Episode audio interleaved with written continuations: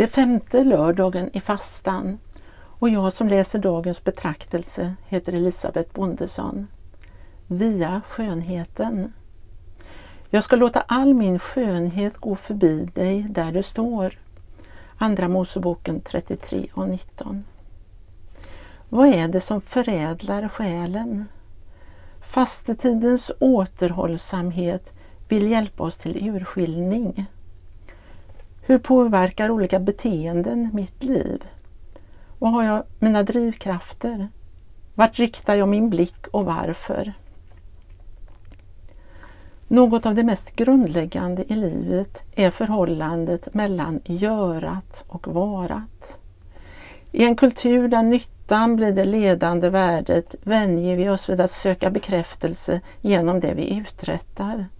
Funktion får företräde framför form när gudstjänster utformas. Originalitet blir ett ideal, att väcka uppmärksamhet ett mål i sig. Konsten bedöms utifrån huruvida den är intressant. Den drabbande gudserfarenheten kom till Mose via skönheten. Den beskrivs i Bibeln som frälsande. Alla vi som utan slöja för ansiktet skådar Herrens härlighet förvandlas till en och samma avbild. Orden om Gud som all skönhets upphov antyder att det finns en ursprunglig skönhet som svarar mot en törst i människans djup och inte bara en fråga om tycke och smak. Den skönheten är inte användbar till någonting. Att skåda den renar och förädlar själen. Skönheten som reflekterar Gud är bortom estetiken.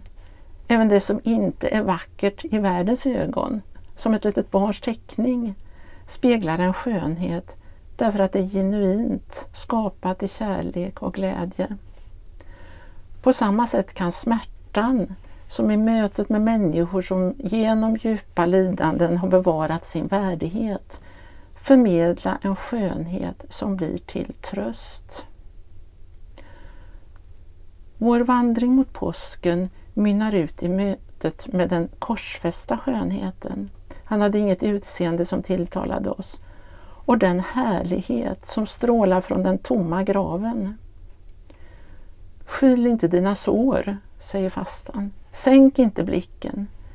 Just det vi dömer oss själva för, brustenheten och ärren i våra liv, kan visa sig rymma hemligheten till vår förvandling när vi ser på honom som de har genomborrat. På Golgataberget uttalar Gud samma ord som på Sinaiberget. Jag ska låta all min skönhet gå förbi dig där du står. Var gärna med mig i en bön. Ge oss Gud insikt att motstå den billiga substitut för skönhet som vår kultur bjuder ut. Låt återskenet av din härlighet, var vi än möter det, inspirera oss att med glädje hålla ut i vår kamp. Amen.